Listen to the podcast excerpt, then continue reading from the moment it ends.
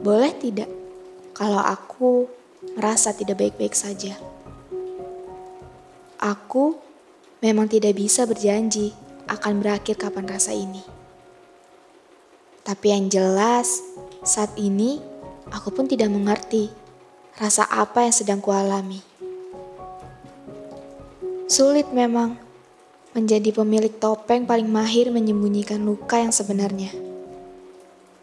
Selalu terlihat kuat dan tangguh, padahal semua cerita, rasa, dan beban hidup lainnya dipendam, bahkan dikubur sedalam-dalamnya. Terkadang juga permasalahannya ada di diri sendiri. Salah satunya sangat sulit menjadi diri sendiri.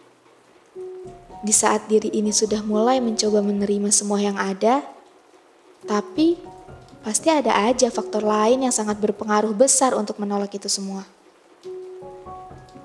Boleh tidak kalau aku merasa tidak baik-baik saja?